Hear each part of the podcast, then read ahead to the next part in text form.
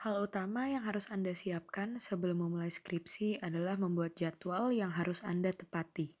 Hal ini menjadi sangat penting untuk dijadikan pedoman, karena terkait dengan pertanyaan, berapa lama Anda akan menyelesaikan skripsi?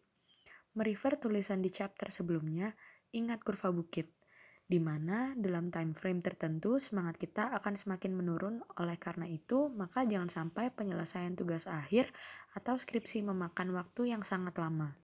Ada beberapa hal yang dapat kita lakukan untuk membuat penyelesaian skripsi kita tepat waktu. Yang pertama, dengan membuat jadwal atau timetable.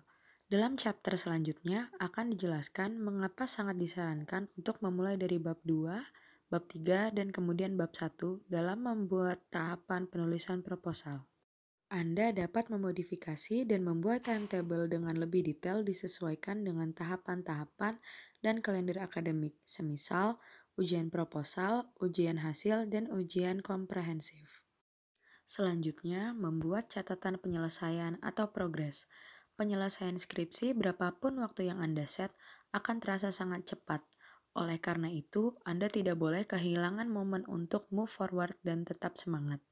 Dalam hal ini, sering kali kita terganggu dengan hal-hal yang sifatnya sederhana.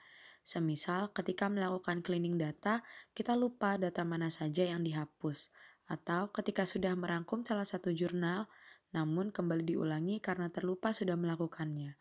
Oleh karena itu, jangan lupa untuk membuat catatan apa saja yang sudah dilakukan, termasuk ide apa saja yang ingin dilakukan. Selanjutnya, menuliskan hasil pertemuan dengan pembimbing. Hal yang paling penting ketika melakukan pembimbingan adalah mencatat dan mendengarkan. Proses ini menjadi sangat penting untuk mendokumentasikan apa yang disarankan oleh pembimbing dan harus kita lakukan. Selain itu, dengan menuliskan suggestion dari pembimbing, dapat mengingatkan kembali ke pembimbing ketika ada perubahan saran untuk hal yang sama.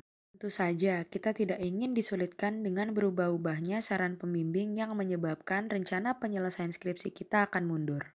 Di sisi lain, pencatatan revisi oleh pembimbing akan membuat relationship dengan pembimbing akan semakin baik, karena ini merupakan bentuk hormat dan respect kita atas apa yang disarankan.